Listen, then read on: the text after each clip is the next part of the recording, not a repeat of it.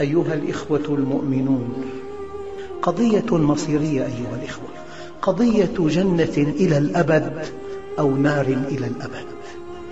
ما هذه الحياة الدنيا؟ مهما طالت ومهما ارتقى الإنسان فيها ومهما جمع من أموال ومهما ارتقى من مناصب ومهما تمكن من غيره إنها كلمح البصر إنها صفر. ولو أن الدنيا تعدل عند الله جناح بعوضة ما سقى الكافر منها شربة ماء أيها الإخوة الكرام أبدأ خطبتي بهذه الحقيقة. من هذه اللحظة وإلى الموت وما منا واحد إلا وسيموت. هناك قدر من العمر. قد يكون لحظة هناك قدر من العمر. قد يكون لحظة وقد يستمر سنوات. وقد قال عليه الصلاة والسلام أعمار أمة محمد عامتهم بين الستين والسبعين ولا يجاوز هذا العمر إلا القليل النادر. وقد مضى الذي مضى. يا ترى والسؤال محرج ومزعج. هل بقي بقدر ما مضى؟ هل بقي بقدر ما مضى؟ كيف مضى الذي مضى؟ مضى كلمح البصر. وهذا الذي بقي يمضي أيضا كلمح البصر ثم الإنسان أمام أعماله كلها. أمام أعمال سيحاسب عنها. عملا عملا موقفا موقفا حركة حركة سكنة سكنة إعطاء إعطاء منعا منعا صلة صلة قطيعة قطيعة. فوربك لنسألنهم أجمعين عما كانوا يعملون. الكلمة التي أقولها آلاف المرات عود نفسك أن تواجه الحقيقة المرة لا أن تركن إلى الوهم المريح. أيها الإخوة الكرام هذه الحقيقة الأولى أنه لا بد من أن نغادر الدنيا وقد حكم علينا بالموت مع وقف التنفيذ. أيها الإخوة الكرام يقول عليه الصلاة والسلام ولا أظن أن هذا الحديث ينطبق على وقت من أوقات حياة المسلمين كما ينطبق اليوم. يقول عليه الصلاة والسلام بادروا بالأعمال الصالحة. فتنا كقطع الليل المظلم. يمسي المرء مؤمنا ويصبح كافرا. ويصبح مؤمنا ويمسي كافرا. يبيع أحدهم دينه بعرض من الدنيا قليل. مصائد الشيطان في هذه الأيام لا تعد ولا تحصى. شمة واحدة تصرف الشاب إلى المخدرات. وفيلم واحد يأخذ الرجل إلى الزنا. فتن كقطع الليل المظلم. يمسي المرء مؤمنا ويصبح كافرا. ويصبح مؤمنا ويمسي كافرا. يبيع أحدهم دينه بعرض من الدنيا قليل. لذلك الدعاء القرآني ربنا لا تزغ قلوبنا بعد إذ هديتنا وهب لنا من لدنك رحمة إنك أنت الوهاب. أيها الإخوة سؤال دقيق. هل يعاني المؤمن من سكرات الموت؟ الموت لحظة رهيبة والكل يخافه ويكرهه المؤمن والكافر ولا بد لكل أحد منه ولا فرار عنه ونزع الروح نزع وآلام النزع آلام وكل إنسان يذوقه مؤمنا أو كافرا لقوله تعالى كل نفس ذائقة الموت وقال تعالى إنك ميت وإنهم ميتون. لكن للحقيقة المؤمن لا يناله من ألم الموت إلا القليل بل هو آخر عذاب يعاني منه في حياته كلها. أما الكافر فإن نزع الروح هو أول عذاب له وما بعده أصعب بكثير. أزكى إنسان أعقل إنسان هو الذي يعد لهذه الساعة التي لا بد منها. إن للموت لسكرات. أيها الإخوة الكرام موضوع آخر في ساعة الموت. لحظة الموت لكل عبد من عباد الله هي مرحلة إخبار بالنتيجة النهائية. فالمؤمن يبشر بالجنة والكافر يبشر بالنار. قال تعالى وهذا معنى الآية الدقيق.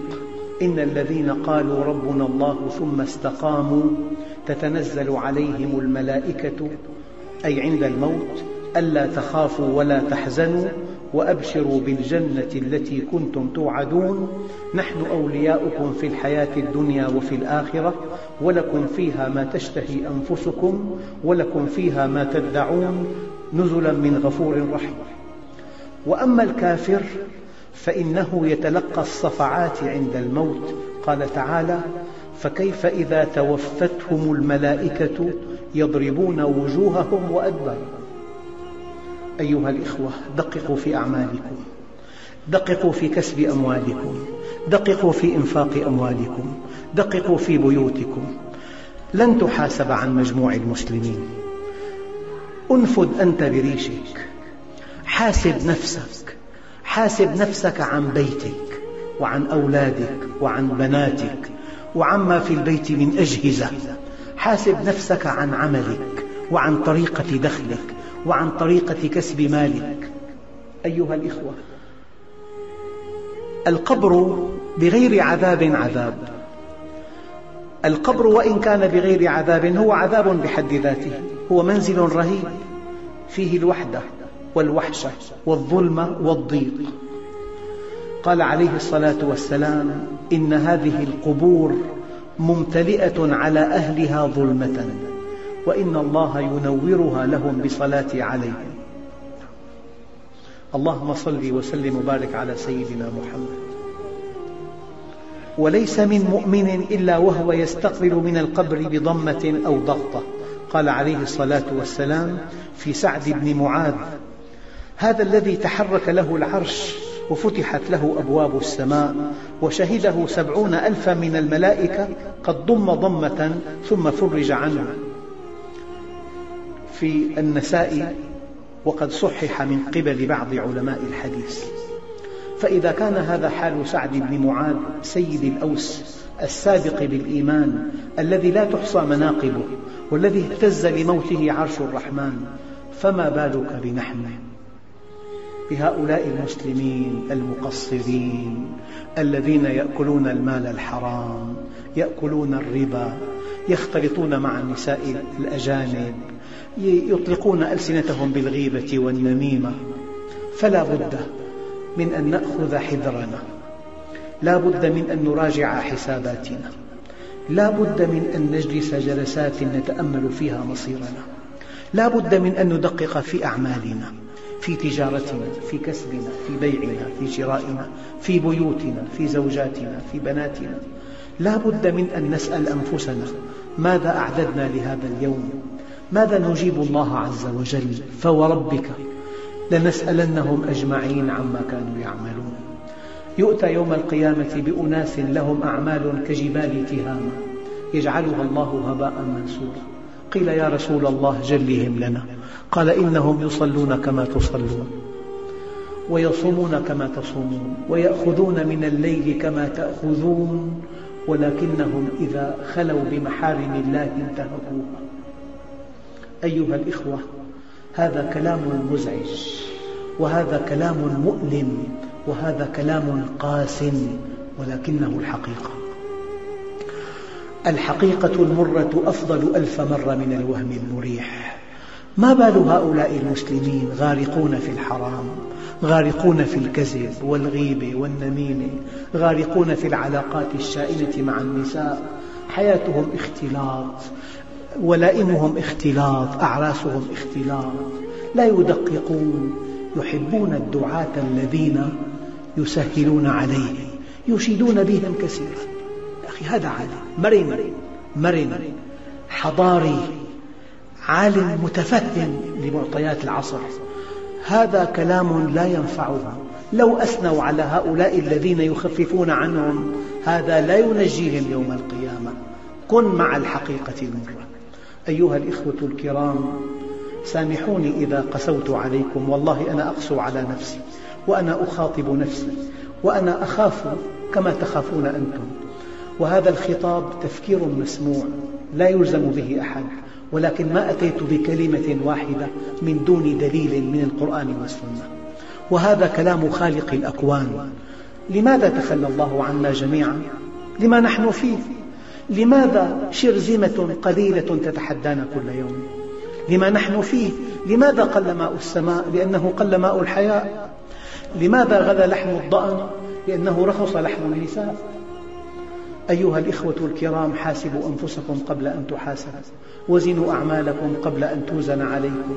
واعلموا أن ملك الموت قد تخطانا إلى غيرنا وسيتخطى غيرنا إلينا فلنتخذ حذرنا.